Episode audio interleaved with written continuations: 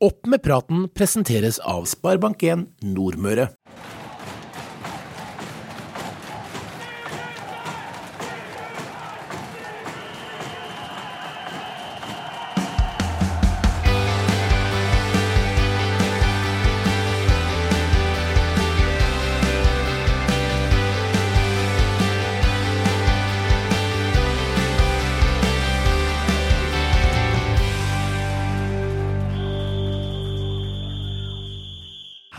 Velkommen til episode 13 av Driva sin breddefotballpodkast Opp med praten.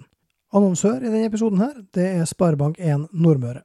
Det nærmer seg avslutning på hele sesongen i fjerdedivisjon. Det er én serierunde igjen, og i den forbindelse så har vi tatt en prat med Treff 2-trener Morten Kristiansen.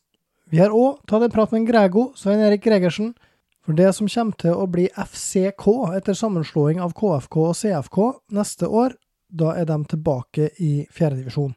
Da måtte vi selvsagt ha en prat med Grego for å høre hva han mener om fjerdedivisjon nå, hva han mener om femtedivisjon i år, om AK, om eh, veddemål med gutta på KF-laget, og om han blir med opp i fjerdedivisjon neste år.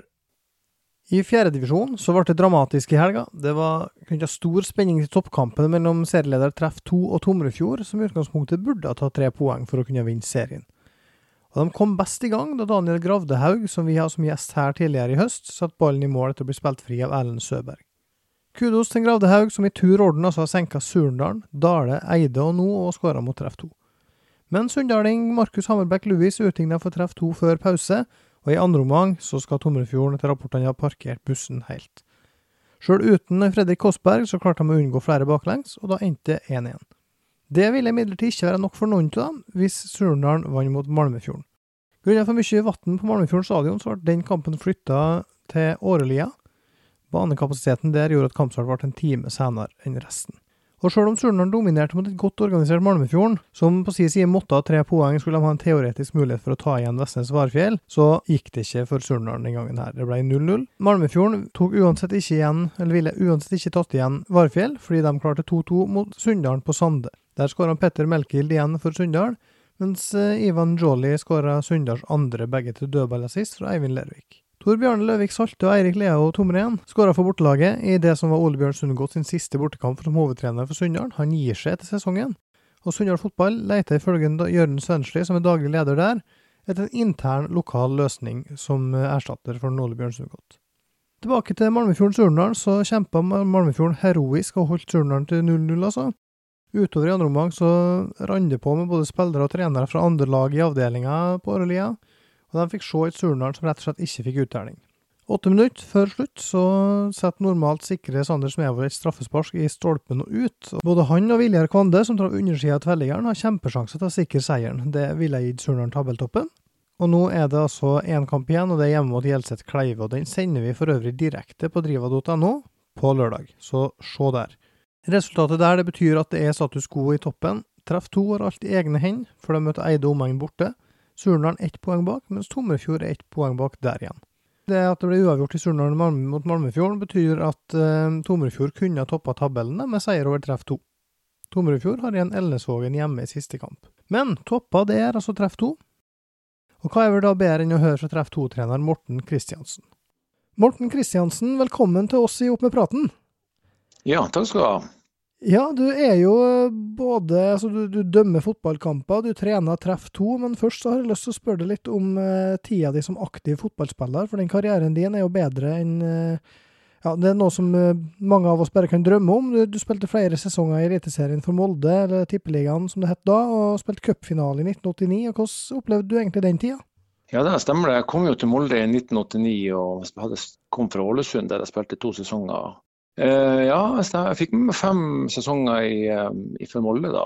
Jeg kom i 89 og det var noen gode årganger der, så vi tok jo bronse i 1990 og cupfinale i 1989. Og, og så uh, siste sesongen min i Molde 93, da så endte opp en nedrykk. da, Så jeg har vært med på oppturer og nedturer i Eliteserien, ja.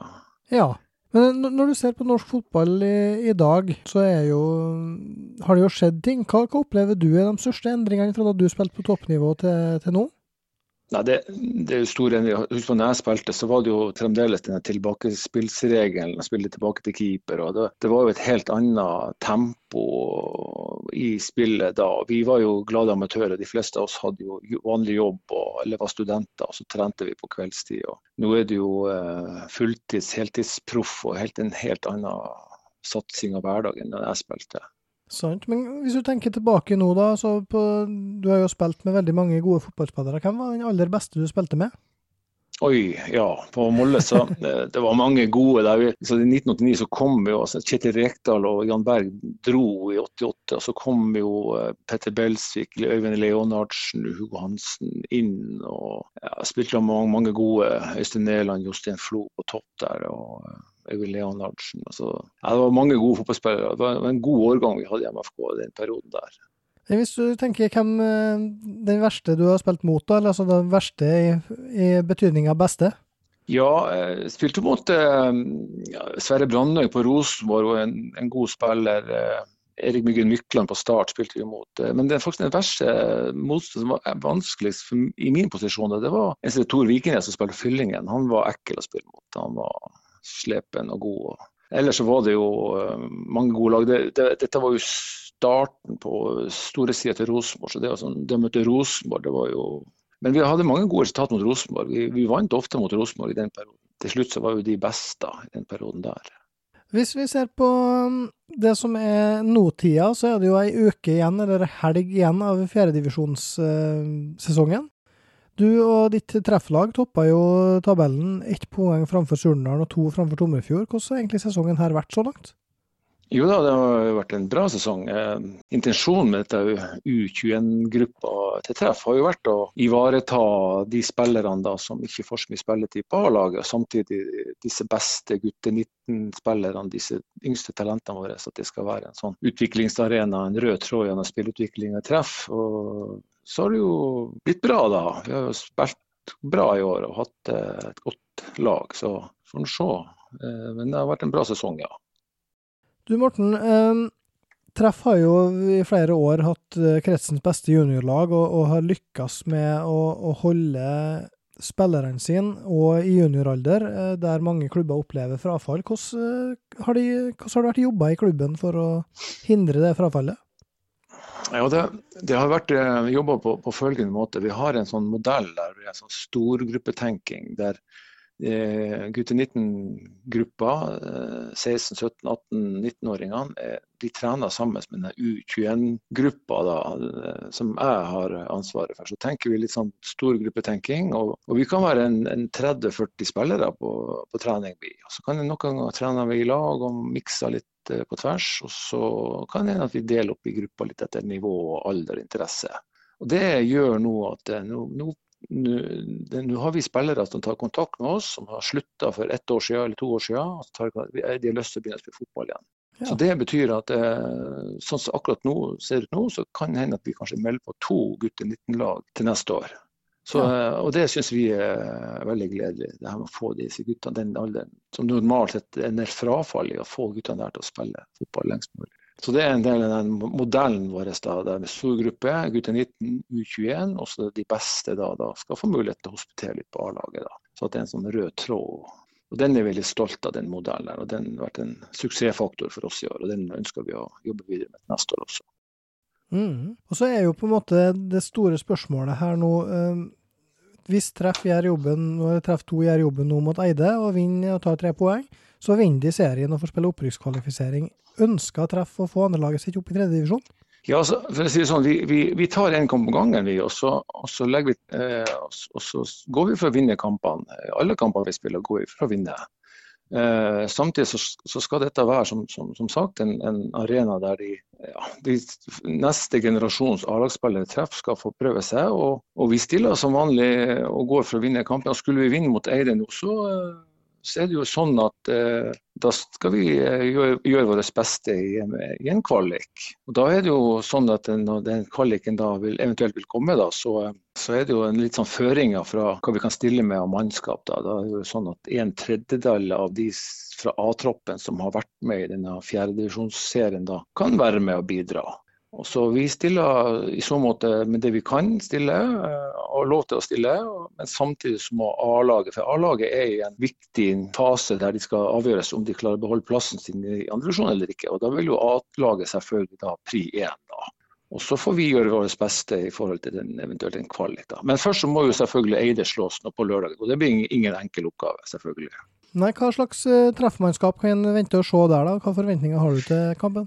Nei, altså vi, vi, gjør som vi har gjort hele veien. Vi, vi, vi stiller med, med gjerne sånn, sånn, På bortekamper så vi stilte kanskje tre, fire, fem spillere fra A-troppen som ikke da er tiltenkt å spille i A-laget eller ikke som har spilt. Og så blir det resten som fyller opp en, en 18-spillerstropp med, med disse ungguttene. da. Og Sånn har vi gjort det hele sesongen. og, og Sånn fair play og behandler alle motstanderne våre helt likt. Så vi gjør ingen forskjell på så måte. Så vi, vi, gjør sånn som vi har gjort, og så stiller vi så sterkt vi klarer, og så tar vi én kamp om gangen, og så går vi for å vinne den kampen. Så får vi se om det er godt nok. Hva forventninger har du til det de som møter dere mot Eide? Det var 2-1 vant de hjemme mot dem? Ja da, det blir jo en toppkamp dette. og Eide er et godt fotballag. Så vi er forberedt på at, en, at vi får god motstand og at det blir en tøff kamp.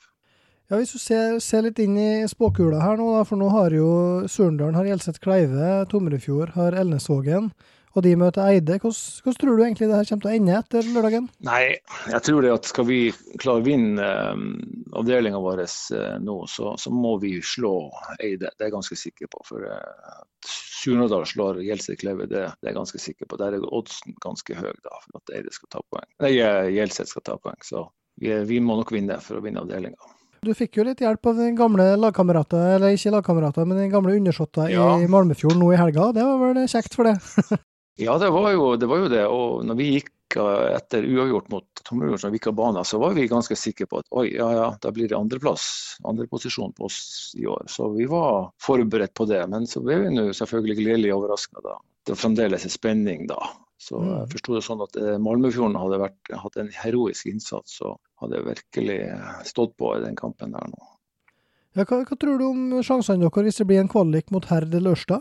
Jeg tror jo det at, Nå har jeg ikke så veldig kjennskap til den Sunnmørsavdelinga, men jeg tror nok at den Sunnmørsavdelinga kanskje har et nivå høyere enn vår avdeling. Det kan jo se litt på tabellen og poengene de har, de har plukka. Så, så, jeg tror nok um, om det blir Herd eventuelt eller Ørsta eller hva det måtte bli, så blir det en, en, en god motstand der jeg tror nok det blir tøft, da. Men vi, skal, vi tar en kamp om gangen, og så skal vi stille med det vi har og har lov til å stille med. Og det beste laget vi kan stille, og gjøre vårt beste. Så får vi ta, får se hvordan det blir. Da. Uansett så vil det jo bli en veldig sånn, fin erfaring for disse yngste. Det er jo de jeg er litt opptatt av. Det, er det som er min jobb i treff nå, det er å forvalte disse yngste gutter 19-gruppa og de beste der nå, få de til å bli eh, potensielle A-lagsspillere på sikt. Så da blir det en veldig fin eh, erfaring for dem.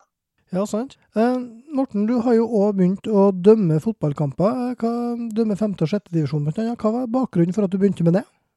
Ja, bakgrunnen var vel at jeg hadde bestemt meg for å ta litt fri fra det å være Jeg har vært trener i mange år på mange ulike nivåer. Så tenkte jeg at eh, ja, det er en fin måte å holde seg i form på. Og så eh, er jeg arbeidskollega med Marius Grøtte Hansen, og han var jo ivrig på å rekruttere oss gamleguttene til å være med og hjelpe til. Så jeg tenkte at At uh, her skal jeg være med og hjelpe til, og så skal jeg være med i miljøet og skal ta det som trening. og så er Det kjekt å dømme. Det er jo sånn, litt utfordrende. da. Du vil jo gjerne dømme en god kamp og at spillerne skal være fornøyd. Så det er veldig spennende og kjekt være dommer da.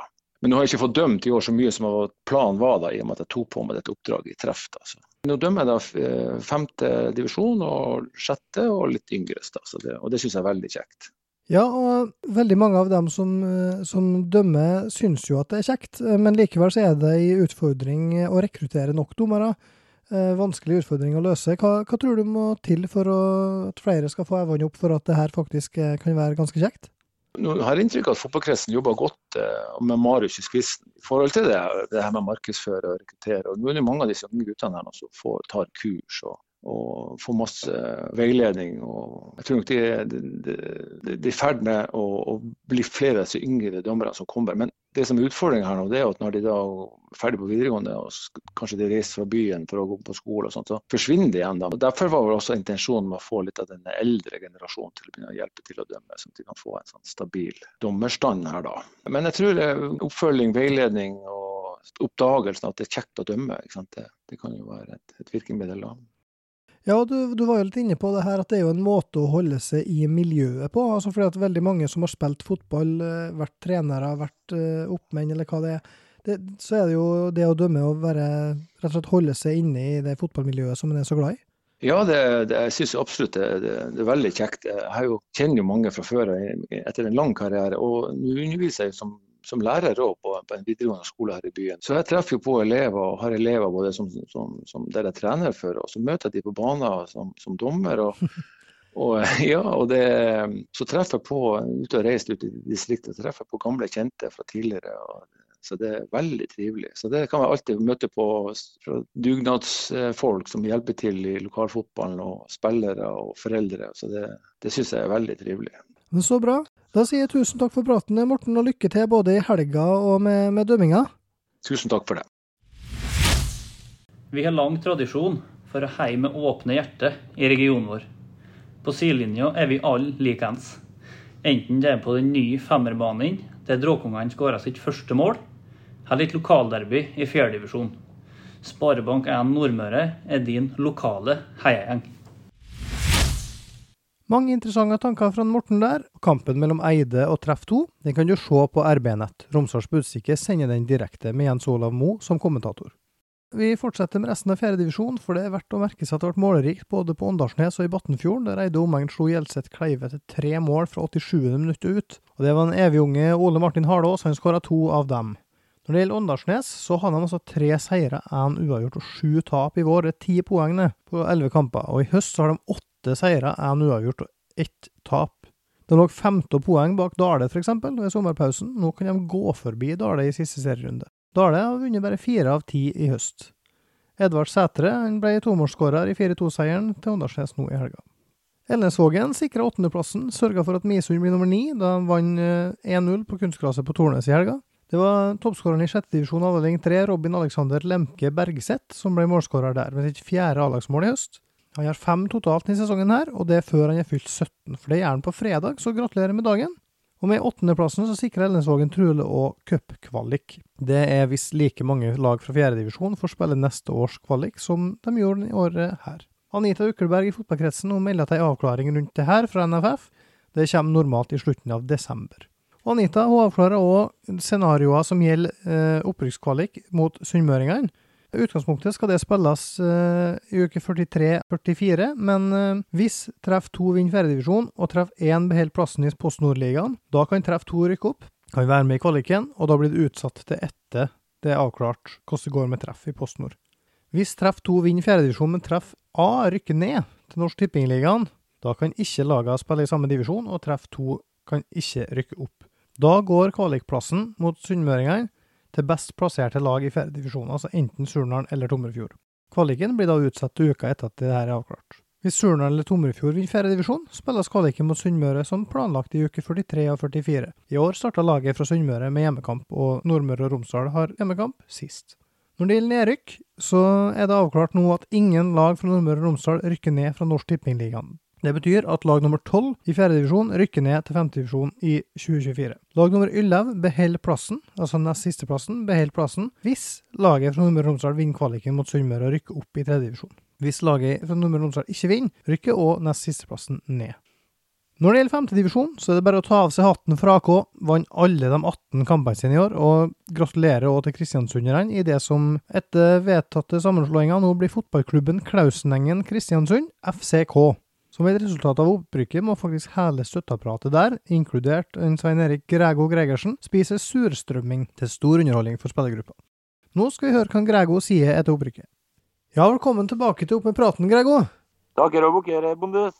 Ja, du, du, har jo gjort det bemerka både som spiller, ildsjel og en fargerik humørspreder i lokalfotballen vår, så du trenger jo egentlig ikke noe introduksjon. Men nå er du sosialminister i KFK, eller noe sånt, er du ikke det? Ja, det er jo eh, Og til våren så blir det Norges kjekkeste oppmann igjen. Norges kjekkeste oppmann, ja. Definitivt. Ja, hvordan uh, jobba du for å bli det? Pumpe og trene som faen. ja, og det gir resultat? Definitivt. Ja, Jeg hørte rykte om at du hadde et eh, veddemål på gang. Hva, hva var det? Nei, at Hvis ikke samtlige spillere på A-laget til oss har, har bedre fettprosent og med og bedre sixpack enn det jeg kommer til å ha i januar, så må de kjøpe en kasseøl til meg. Hvis ikke må jeg selvfølgelig kjøpe motsatt, men det går helt fint. Spillerne er så unge at de får jo fortsatt ukelønn. Så da, er det best at jeg taper, men jeg skal bli. Ja, sant. Men du, Grego. Eh, nå har det jo vært en, en fin sesong for eh, KF eh, i femtedivisjon i år. Kan ikke du ta oss litt gjennom 2023 for deres del? Det starta jo faktisk med et jævla dårlig resultat i Molde. 5-5 der, da. Men så har jeg, har jeg, har, jeg har egentlig aldri vært i tvil om de kommer til å rykke opp, men jeg visste at AK kommer til å bli en tøff nøtt. da. Så de var litt mer voksne enn oss. Kunne ha gjort noen taktiske grep, ja, men de vant fortjent. Og gratulerer til dem med en veldig bra sesong. Ja, hva, hva, tenker du om dem som også går gjennom uh, serien her med kun seire? Altså, med tanke på nivået i, i fjerdedivisjon neste år, hva forventer du av AK? Av dem, kommer an på hva de får med seg. Det er jo, om de alle er like gira i år som de var i fjor. Noe, men uh, jeg skal ikke Jeg syns de har gjort en bra sesong i år, og, men de er veldig avhengig av Ola. Da. Ja, da tenker du på Ola Ormseth Husby, sant? Ja, da så kan det bli tøft. Samme som vi er avhengig av enkeltspillere av det. Jeg hadde begge spilt i fjerdedivisjon i år, så hadde begge klart seg. Helt overbevist. Poengsummen også i fjor det hadde vært mer enn nok til å holde seg i år. Mm. Men sånn som laget dere i år, så det har vært stort sett et ungt lag, men ispedd sånn som en Pa Osman Jamme og en Ronny Svanheimsli som gjør skarpt etter comebacket. Altså, hvordan har den miksen, hvor viktig har den vært for dere i år? Den er selvfølgelig veldig viktig. og Vi skulle gjerne hatt flere eldre. Ja, men de må ville, de må ville trene. De må være flinke med unge gutter. De kan ikke gå kjeftfulle en, en 16-åring. Det går ikke. Det må være folk som har lyst til å være med. De ikke må komme på trening én gang i uka, jeg må komme to, iallfall to. Sant, sant. Toppskåreren deres, Edvard Toam Karlsen, som er lillebror til Jon Karlsen, som kanskje flere kjenner til i fjerdedivisjon iallfall. Er, det, er han en mann å følge med på neste år, eller? Han vil jeg tro er han i toppnivå. Jeg kunne spilt på hvilket lag i fjerdedivisjon, kanskje. Han er, han er god, han. Han, har jo selvfølgelig sine svakheter, men han, han er en veldig god fotballspiller. Er det andre på KF som, som lytterne bør, bør merke seg med nå? Det var litt ung sist, da, men som har tatt store, veldig veldig store steg. Det blir liksom, vi var litt, jeg føler at vi er litt som Elnesvågen var for et par år siden. At vi var, vi var rett og slett for unge og for naive i mange kamper. For Det var mange kamper som var jevne. Vi tapte bare 2-1 for Surndalen hjemme. Vi kunne like godt vunnet den kampen. Hadde hatt litt mer rutine. Klart at vi 1-0 hjemme før. De hadde en god sesong den sesongen. i fjor. Og det, det, var liksom ikke at Vi tapte ikke sånn som Hjelset Kleive. Ingen 6-1, 7-1, 8-1. Det var jo bare en mot Dale, da. Men hva, hva, tror du om spillergruppa deres neste år? da? Beholder de de fleste, eller er det, hvordan ser det ut? Så, og så er det noen fær, og vi, kanskje det nye kommer inn. Så Det blir jo litt sånn, det er breddefotball. da, vet du, så Det er jo militæret som kanskje er den verste. da. Altså, men vi jobber, altså, Alle lag må starte jobben nå. Altså, så fort fløyta var ferdig i siste kampen, så må jobben startes. Det er ikke vits å komme i januar. og Du må starte nå. Det må jobbes nå. Sant. Men sånn som eh, nivået dere per nå, er det godt nok for fjerdedivisjon, tror du? Eller må det et par hakke opp?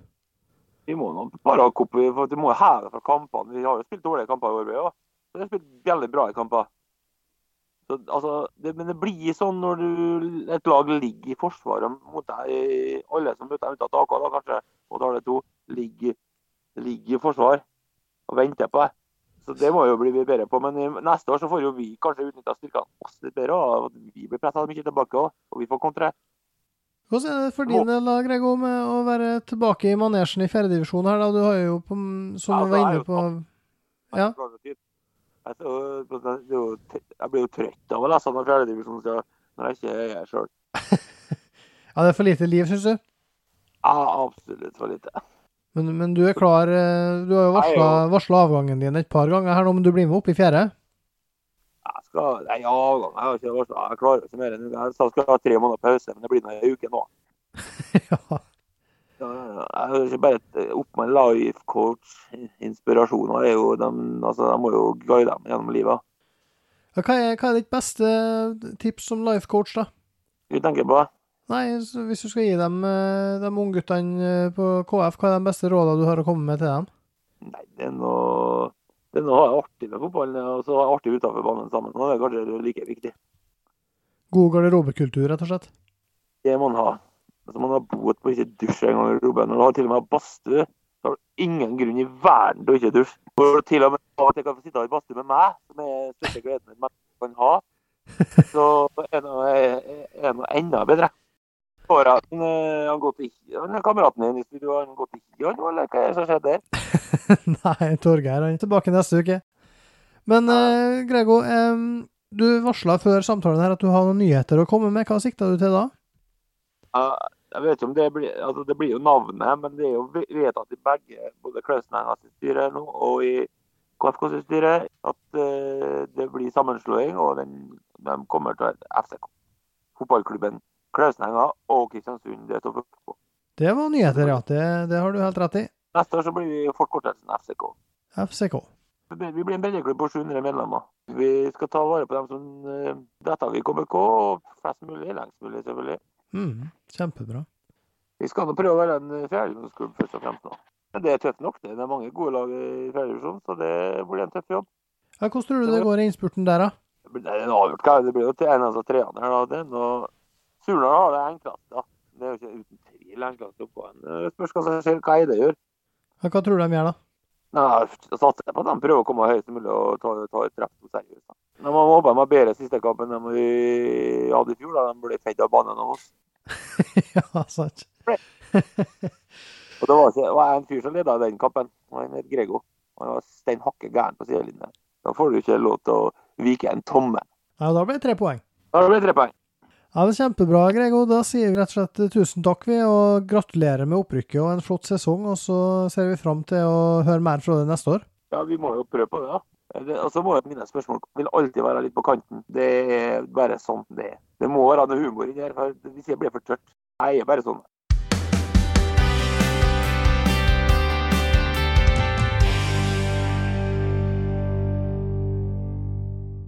Det var en Grego, som utvilsomt gjør at fjerdedivisjon neste år blir en profil rikere. I bunnstriden i femte så ble det til slutt MSI som mitt negla fram til opprykkskvaliken til fjerdedivisjon er over. Eidsvåg, Eresfjord og har sikra plassen med 2-2 mot Smøla etter to mål av divisjonens toppskårer, Jakob H.M. Aasen. Som vi spådde i en tidligere episode, så fikk både dem og MSI tre poeng mot Gossen, som ble sist å rykke ned. Det vi derimot ikke forutså, det var rival sin 6-2-seier over Dale 2. Den sikra rival sjetteplass, ny kontrakt, og gjorde at de holdt MSI, Måndalen, Eidsvåg, Eresfjord og Vissdal bak seg. I seieren over Dale 2 spilte for øvrig tidligere eliteseriespiller Eirik Mæland sin eneste kamp i høst. KBK kvinner trengte hjelp for å kunne gå forbi serieleder Volda, og fikk det fra Blindheim, som slo Volda. Problemet for KBK var bare at de ikke klarte å slå Blindheim sjøl heller. Den kampen endte 3-3 etter en utligning ti minutter før fulltid. Dermed er situasjonen før KBK møter serieleder Volda i siste kamp, faktisk slik at det er KBK som kan hjelpe Blindheim til opprykkskvalik. Hvis KBK tar poeng fra Volda samtidig som Blindheim slår Hødd minst to mål, da vinner Blindheim fylkessluttspillet. Hvis KBK slår Volda, så er Blindheim mestere med seier over Rød. KBK sjøl kan dessverre maksimalt bli nummer to. Treff ender sist av de fem lagene i fylkessluttspillet, mens Molde 2 per nå ligger best an til å vinne høstsluttspillet for resten av lagene fra vår krets. Når det gjelder sjette divisjon, så er opprykkskvaliken mellom Kårvåg, Havørn, Frei og Ellensvågen 2 i gang. Kårvåg Havørn vant en tøff batalje mot eh, Frei 2-1 i første kamp, og kan faktisk allerede juble for opprykk som første lag. For torsdagens oppgjør mellom Frei og Ellesvågen 2 endte nemlig uavgjort 3-3. Ellesvågen 2 leda 3-1 til pause, men fikk to røde kort i andre omgang. Det siste like etter Freis utligning i 90. minutt. Det betyr at Frei er ferdigspilt og ender med ett poeng, kan ikke gå forbi Korvåg Havørn som har tre etter første kamp. Det betyr at Elnesvågen 2 slår følge opp hvis de unngår tap mot Korvåg Havørn, mens Frei går opp hvis Kårvåg Havørn slår Elnesvågen 2 mer enn 2-1. Spennende. Det var alt vi rakk i denne episoden av Opp med praten. Vi er tilbake neste uke. Da har vi fasiten på hvordan det gikk i opprykkskampen i fjerdedivisjon. Vi skal kåre årets lag.